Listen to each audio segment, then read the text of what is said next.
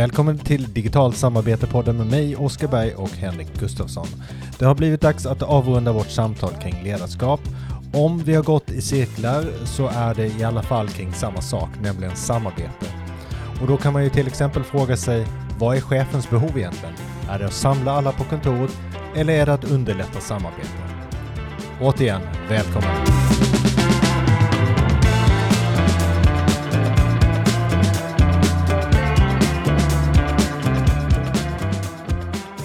Vad har vi för tema? Är samma tema som vanligt tänkte jag säga. Ledarskap på distans. Jag tror varken du eller jag riktigt hade sett framför oss att vi skulle ägna så här många avsnitt på temat ledarskap i den här podden. Men det har ju blivit väldigt tydligt under våra samtal här nu att det handlar så mycket om synsätt och inställning och människosyn och vad är arbete och så vidare.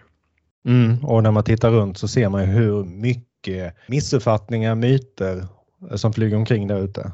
Nu är det ju vår åsikt kanske, men vi har ju också en hel del forskning att, stå på. Det, det är väldigt mycket förlegade synsätt, antaganden, eh, myter där ute och då blir det ju att man går djupare och djupare i det och mm. varför mm. påstår man så? Och samtidigt det här om vi inte förändrar det så kommer vi inte kunna förändra hur man samarbetar för ledarskap det är en nyckel. Absolut. Men idén med det här avsnittet är att fortsätta eh, prata om ledarskap på distans, ledarskap på samarbete. Men vad är det som gör det så svårt att mm. ändra sig och eh, sitt arbetssätt? Och vi kommer också komma in lite på konkreta säger då, mm. färdigheter som ska till för att det här ska funka.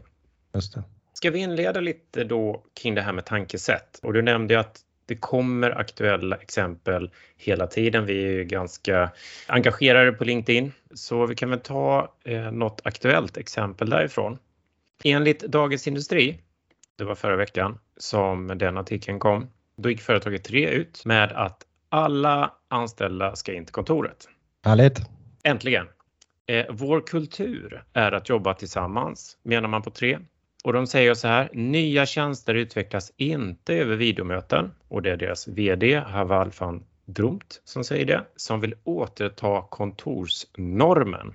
Och så ska det vara ett citat då från honom enligt Dagens Industri. Att träffas i verkliga livet, samarbeta och få energi är kärnan i vår kultur, säger han.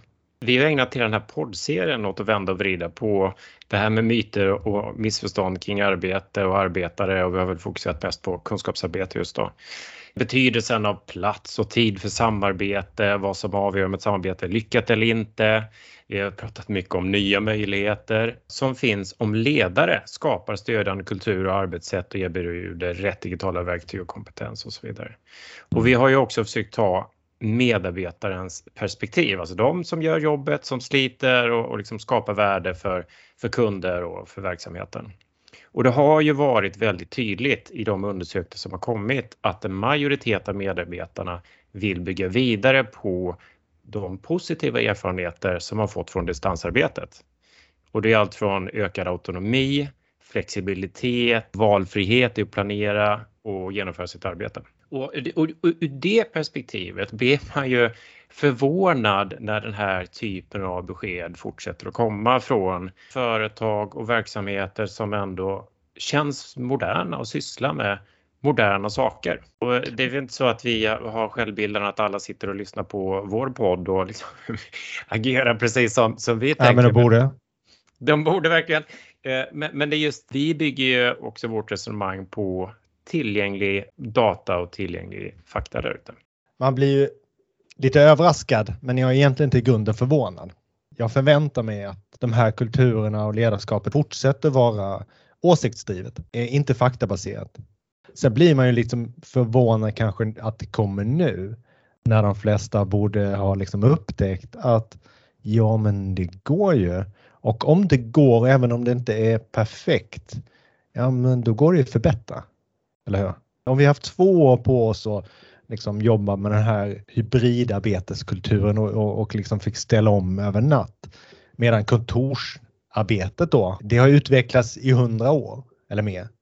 Ja, om vi ger det här några år till, då kommer vi lösa de här utmaningarna som man ser. Mm. Jag, jag kommer att tänka på två saker. Dels så delar du, du ett eh, TED-talk med mig förra veckan. Mm. Eh, det är ju då ett äldre exempel men lite också för att belysa att frågeställningen är ju egentligen inte så himla nya. Eh, det handlar ju om eh, Jason Fried som är författare, han är företagsledare. Det är bland annat 37 Signals och Basecamp som han har varit inblandad i, mm. vad jag känner till. Yes. och rubriken på det här var Kontoret, platsen där man inte arbetar. Och den är från 2010, men känns ju fortfarande jätterelevant. Och han tar upp de största hindren som han ser eh, för arbete på kontoret. Han kallar det M&M's, Managers mm. and Meetings. Eh, chefer som vill kontrollera och möten som inte producerar några resultat. Han lyfter en fråga till alla han träffar, säger han. Vart går du när du verkligen behöver jobba? Och då får han ju svar som hemma, jag går till café, till biblioteket, eller så säger de som svarar på hans fråga att äh, det spelar inte så stor roll vad jag är. Jag sätter mig riktigt tidigt eller riktigt sent och jobbar. Och han har aldrig under alla år som han ställt den frågan hört någon säga att de tar sig till kontoret. Nej, för där jobbar man inte. Han jämför ju också med sömn och de här olika faserna för att gå in i djupsömn. Alltså det spelar ingen roll om man har haft den här försömnen eller om man inte fått en djupsömn. Man måste igenom alla de här faserna och att komma in i, i en kreativ fas eller liksom verkligen djupt arbete, djupt tänkande. Då funkar det inte med de här M&M's, managers and meetings. Då kommer de och stör dig hela tiden när du ska göra det här. Så är det kanske inte när man jobbar på ett löpande band. Det handlar om moment man ska utföra och eh, då, då behöver du liksom inte så här att man behöver en timme för att komma igång med det momentet. Men kunskapsarbete fungerar annorlunda. Så det funkar ju bara med det här när man har rutinbaserade uppgifter. Och då blir det intressant. Vad händer med de rutinbaserade uppgifterna? De plockas ju bort en efter en.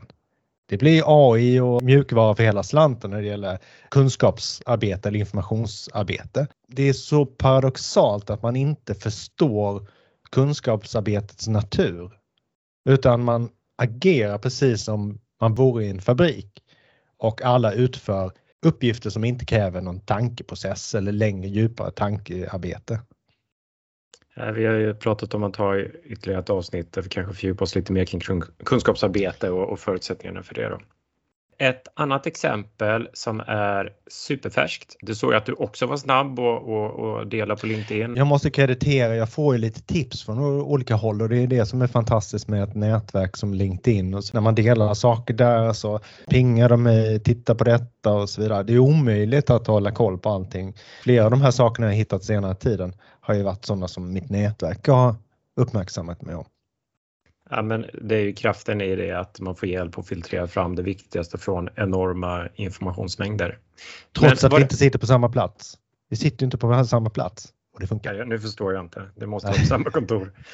Vad det här handlar om i alla fall, det var en studie från Microsoft. Eh, de har något som de kallar Digital Future Index och de sa bland annat två saker. Dels så konstaterar den här rapporten att ju fler ledare och medarbetare som har digital kompetens, desto mer produktiva och innovativa är verksamheten och de har större tillväxt. Mm. det kanske inte låter så chockerande. Jag vet inte. Men det andra påståendet var väldigt intressant. Möjligheten att arbeta på distans ökar innovationsförmågan. Citat, innovation händer utanför kontoret. Och rapporten fortsätter att hålla fast vid gamla arbetssätt som kontorsarbete försämrar konkurrenskraften och får medarbetarna att rösta med fötterna. Alltså de, det vet vi ju nu att det är väldigt många som funderar på att byta eh, arbetsplats och, och också säger upp sig. Och slutligen säger den Nyckelordet är flexibilitet, det är varken enbart distansarbete eller endast kontorsarbete som ger bäst resultat utan möjligheten att kunna välja den plats som är lämpligast i olika situationer, vilket har varit en av de teserna det, vi har drivit här under hela, hela poddserien. Det beror på. Det måste vara behovet, situationen som styr. Absolut. Ja, när det gäller att ändra arbetssätt så handlar det väldigt mycket om bottna i kunskap och insikt om varför vi behöver en förändring och vad som är viktigt i den förändringen. Mm. Det är ju det här när vi distribuerar och inte har möjlighet att träffas fysiskt mer än då väldigt sällan och under pandemin har vi träffats väldigt, väldigt sällan fysiskt. Och då samtidigt som det här arbetet som vi utför blir mer osynligt, det här kunskapsbaserade, då krävs det nya sätt att arbeta. Eh, vi måste förändra våra arbetssätt på något sätt och vi behöver också då förändra våra sätt att leda. En del har upptäckt här nu, det är ju att de vanliga metoderna som man använder, och de som man kan, de som man är bekväm med, de funkar inte. De, antingen funkar de inte alls eller funkar de väldigt dåligt. Så det kräver att man lär av och lär nytt. Och det finns sätt att leda på distans. Man är bara inte van vid dem. Eller så känner man inte ens till att de finns. Och det här är ju det här vi ser nu. Att då slår man ifrån sig det här nya, vill gå tillbaka till det man är bekväm i, det man kan. Så det här med ledarskap, varför vi kommer in på det här hela tiden, det är ju att det går inte att förändra arbetssätten om man inte samtidigt förändrar hur man leder. De hänger liksom ihop. Alltså om, om man har de här ledarskapet som, som hävdar att mitt behov är att samla alla på samma plats och så vidare för att vi ska kunna vara kreativa. Ja, då går det inte att utveckla arbetssätt som inte kräver att man är på plats. Det blir liksom ett moment 22. Och, och likadant så kan man ju säga om man inte utvecklar arbetssätten då kommer den här chefen eller ledaren få rätt. För då går det inte att samarbeta på distans. Om vi fortsätter göra som vi gjorde på kontoret fast möjligen att vi förändrar lite och gör det digitalt. Det är inte ny oprövad mark för hur man ska jobba och leda. Vi kan lära oss jättemycket som du är inne på från de här helt distribuerade verksamheterna som finns mm. och som är framgångsrika. Vi har lyft fram exempel på organisationer som inte är klassiskt hierarkiskt eh, styrda utan jobbar med andra mekanismer och har mer självstyrning och, och, medarbetare som upplever att de får mer utlopp för sin potential och kommer till sin rätta på arbetsplatsen och presterar bättre. Och vi har också tagit exempel från eh, försvaret till exempel. Mm. Mm. Eh, som man tror kanske då är en, en bastion för gamla arbetssätt och, och förlegade eh, sätt att leda eh, som snarare har visat framfötterna och gett exempel på hur superdynamiska team kan anpassa sig i en väldigt föränderlig miljö och har visat att det här kollektiva ledarskapet kan funka. Det som är lite paradoxalt att det blir liksom en polariserad debatt mellan kontorsbaserat eh, arbete och distansarbete. Men de är bara lösningar och det grundläggande behovet som vi har nu som organisation, de flesta organisationer eller fler och fler organisationer, det blir mer snabbrörliga. Att kunna hantera en förändlig, komplex, eh, otydlig och osäker omvärld. Och för att kunna göra det så måste vi gå bort från den här centraliserade, toppstyrda organisationen där man förväntar sig att den som sitter längst upp kan och vet allt. Då måste man precis som militären gör decentralisera det här, distribuera det här, distribuera den till där informationen finns och beslutsfattarna finns där ute samtidigt som man har koll på helheten. Så det är ju egentligen den grundläggande förändringen här.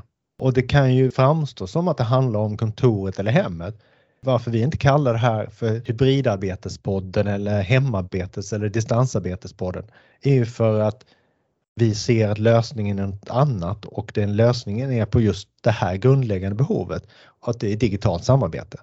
Och inte förrän man kommer till den förståelsen så kan man liksom ha en nykter syn på hur man ska agera med det här med hybridarbete och arbete från kontoret versus hemmet och andra platser apropå aktuella inlägg och diskussioner här.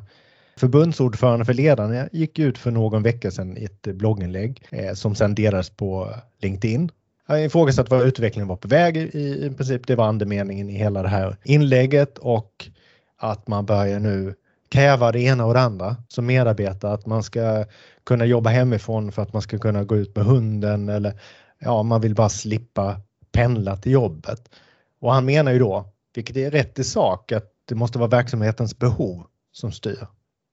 Men han ledde ju det här vidare till att ja, det handlar om verksamhetens behov och därför måste vi tillgodose chefens behov och chefen kanske vill kunna samla alla på samma plats. Kontentan av det inlägget var att det var väldigt raljerande och åsiktsdrivet och det fanns ingen fakta, det fanns eh, ingen eh, liksom, forskningsgrund i det här utan det var bara åsikter. Jag håller med. Jag tror det var därför det tog sån spinn. Just den här attityden av att vara raljerande till att medarbetarna kanske har olika behov som de behöver få tillgodosedda för att faktiskt kunna vara produktiva och jobba på ett balanserat sätt.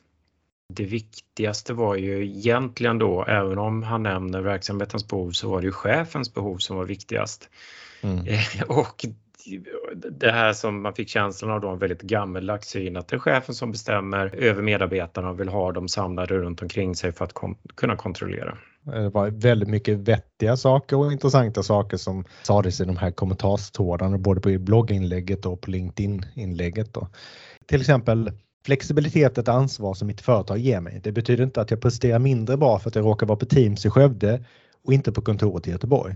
Jag presterar oavsett var jag är. På tåget, på flyget, hemma, på plats. Och mer på det här temat med ansvar. Under två års tid har väldigt många medarbetare över hela världen tagit ett väldigt stort ansvar för sina arbetsuppgifter. Skulle de inte klara av det nu längre? Eller vad är egentligen chefens behov av att samla teamet?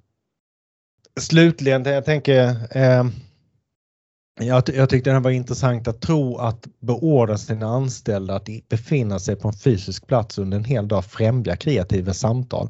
Det måste väl ändå vara höjden av chefsnaivitet.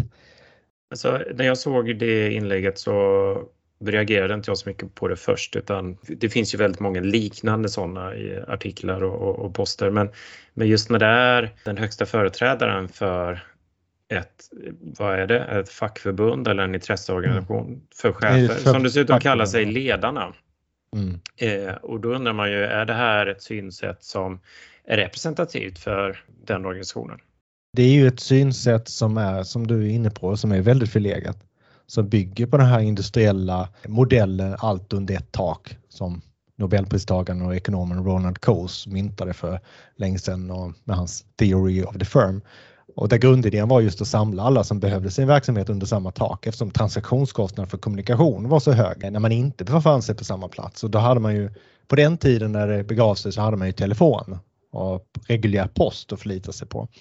Men den här modellen den är ju sedan länge irrelevant eftersom möjligheten att kommunicera på distans är så enormt mycket bättre idag. Att då benhårt hålla fast vid en lösning som bygger på den är ju bara sorgligt. Och det sägs ju att den när en lösning slutar fungera att lösa det ursprungliga problemet, i detta fall kommunikation i verksamhet och att det är dyrt och svårt att kommunicera på distans, då blir ju den gamla lösningen själva problemet. Och det är väl det vi ser ett uttryck för nu, att det är gamla sätt att tänka, leda och samarbeta som är problemet snarare än höga transaktionskostnader för kommunikation som det var på Ronald Coates tid då när han tog fram det här Theory of the Firm och allt under samma tak. Så nu är det lite raljerande då gubbar som vägrar förändras för att de riskerar att förlora sin makt eh, och därför sätter sig på tvären som är det stora hindret. Nej, det kanske är så. Om man sitter i en bra position i, den här, i en intresseorganisation så vill man eh, bevara. Nej, förlåt, jag ska inte Nej. ta det igen. Ehm, skulle vi då kunna säga något generellt om vad som krävs för att leda på distans? Jag hoppas det, Oskar. Finns det något vi kan säga om att leda på distans? Ja, det kan man säga att det är inte nytt. Det är väl det ena. Det har funnits med sedan romarriket. Eh, eller ännu längre tillbaka naturligtvis. Så länge man byggt geografiskt distribuerade organisationer. Nej men eh, eh, fungerar man som ledare i en organisation som är distribuerad så gäller det förstås att fokusera mer på själva ledandet och samordnandet och uppföljning eh, av uppgifter än att göra det man kanske traditionellt sett gör när man samlar alla på samma plats och speciellt då kunskapsarbetare. Eh, eftersom arbetet har blivit osynligt så har det blivit fokus på att kontrollera tid och närvaro istället för själva arbetet. Då. Så att nu är vi på ett sätt och vis tillbaka till en situation där arbetet måste hamna i fokus och att man måste skapa förutsättningar då för att kunna leda arbetet, samordna, följa upp. Vi har ju varit inne på det här med att, mm. att det är så viktigt att utveckla arbetssätt tillsammans inom en grupp för att göra det enklare att samarbeta plats och tidsoberoende och kunna dela på ledarskapet. Och naturligtvis ska man inte bara utveckla inom en grupp utan man ska se till att eh, de här arbetssätten som tas fram är gemensamma på någon nivå över hela organisationen så att man kan ta sig mellan olika grupper och det fungerar ungefär likadant där. För annars blir det svårt att fungera som en organisation. Men vi måste liksom flytta ledarskapsarbetet och arbetssätten till gruppen som har skapat förutsättningar då att kunna skifta ledarskapet mellan sig, till exempel mellan varandra eh, och att man har tillgång till arbetssätt, de verktyg som behövs för det, men också förstås informationen. Och gör man det, vilket är fullt möjligt i en distribuerad värld om man har en digital samarbetsplattform och liknande. I teorin kan vem som helst leda. Det handlar mer om förmåga. Tar man bara det, ett generellt ledarskapsperspektiv, så hamnar man i den situation som vi varit nu. Vi har vänt och vridit på det i flera avsnitt i den här podden, men vi sätter ju samarbetet i centrum. Eh, och vi har ju tidigare pratat om en modell eller ett synsätt som vi varit inne på. Vi kallar den samarbetstriangeln. Än så länge, eh, då har vi tagit upp tre viktiga perspektiv för att samarbetet ska fungera. Vi behöver ett engagerande syfte. Vi behöver tillitsfulla relationer och vi behöver effektiva arbetssätt.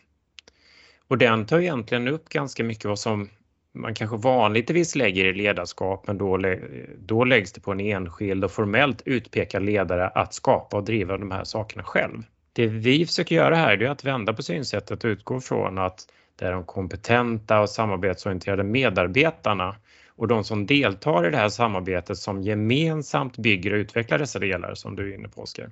Eh, och vi har pratat om självledarskapet under tidigare avsnitt om medarbetarskap och det kan ju handla om allt från självkännedom och personlig mognad till hur man planerar och prioriterar sin tid, sina åtaganden och hur man arbetar hållbart så att man orkar prestera och må bra på sikt. Så om det är självledarskapet, vad tillför då gruppledarskapet? Eh, och där finns det två väldigt viktiga delar. Nummer ett, att kunna facilitera gruppprocesser. Och det handlar om att lösa problem, kunna ta förankrade beslut, skapa gemensamma planer, formulera en vision tillsammans, kunna onboarda till nya grupper, bygga tillit, möta konflikter och så vidare och så vidare. Jätteviktiga saker, eh, vanligt förekommande aktiviteter i grupper och i samarbeten. Och det är ju någonting som workshopledare eller skickliga facilitatörer eh, använder. Eh, det finns en verktygslåda kring det här och där man också ofta utgår från principer från designtänkande som skapar förutsättningar för att få grupper att vara väldigt produktiva och innovativa ganska direkt, även om de är nya för, för varandra. Man kommer igång snabbt, skapar resultat med en ganska kort startsträcka och det oberoende om samarbetet sker fysiskt eller digitalt. Jag upplever det fortfarande som det här är en kunskap som ganska få har, cheferna inräknat. Mm. Och att göra det här digitalt, där det då är ännu färre som kan. Så att det är en väldigt viktig kompetens att satsa på framöver. Det är ju att kompetensutveckla kring det här. Hur kan jag leda gruppprocesser? Och två då, kunna coacha individer i gruppen.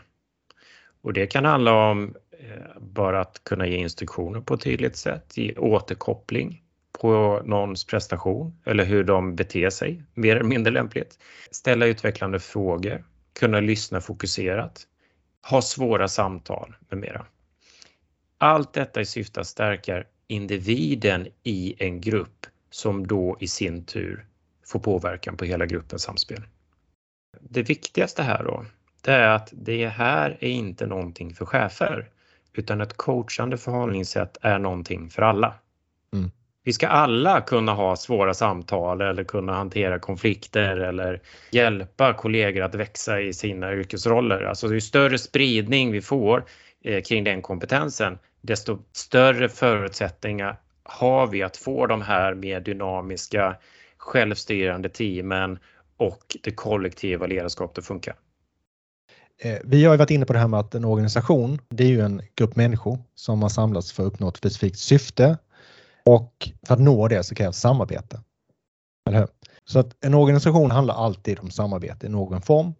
Sen beroende på hur omvärlden ser ut och vad är det man gör och så vidare så kan det här samarbetet manifesteras på olika sätt. Det kan, om det är väldigt repetitivt till exempel, så kan vi strukturera det i repeterbara processer, vi kan bygga system och så vidare. Till slut vid någon punkt så kanske vi glömmer bort att det är samarbete det handlar om utan vi bara matar saker in i en maskin. Och så skulle det ju kunna vara om inte världen blev mer snabbföränderlig, osäker, komplex och så vidare och att vi behöver bli mer kreativa, innovativa och ja, uppfinningsrika för att navigera i den och vara framgångsrika. Vilket innebär att det här ursprungliga samarbetet där vi jobbat direkt, eh, människa till människa, eh, behövs igen på ett annat sätt än vad det gjorde tidigare. Och därmed förändras ju också behovet av ledarskap. I, I den här maskinmodellen så var det en viss typ av ledarskap som behövdes och som funkade. Men i den här nya världen så behövs det en ny typ av ledarskap som är mer det här kollektivistiska, distribuerade ledarskapet. Ledarens behov, vad är det då? Ja, det får samarbetet att fungera så bra som möjligt.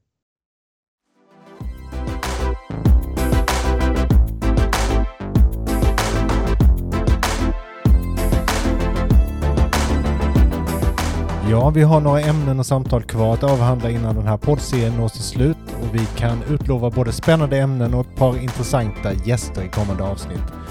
Så nu återstår bara att tacka för att du lyssnade. Ett stort tack. Hej!